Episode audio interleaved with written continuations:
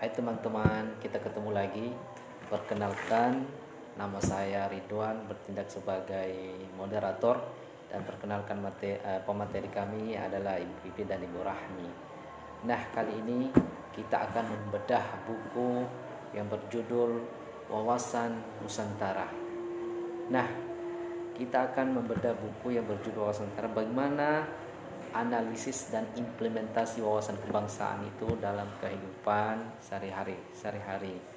Contoh contoh beberapa implementasi wawasan kebangsaan dalam kehidupan sehari-hari itu adalah yang sederhana saja yang di lingkungan sekitar kita yaitu pertama mengikuti gotong royong sebagai bentuk peduli lingkungan dan positif dalam bermasyarakat. Itu merupakan salah satu contoh wawasan Nusantara di lingkungan kita. Kemudian eh, beradaptasi, beradaptasi dengan lingkungan, beradaptasi lingkungan sosial di sekitar kita. Kemudian menjalin hubungan yang baik antara sesama anggota masyarakat. Kemudian implementasi adalah senantiasa hadir dan memberikan sumbangsi positif saat diadakannya rapat melibatkan anggota masyarakat oleh pihak pemerintah desa ataupun pemerintah pusat.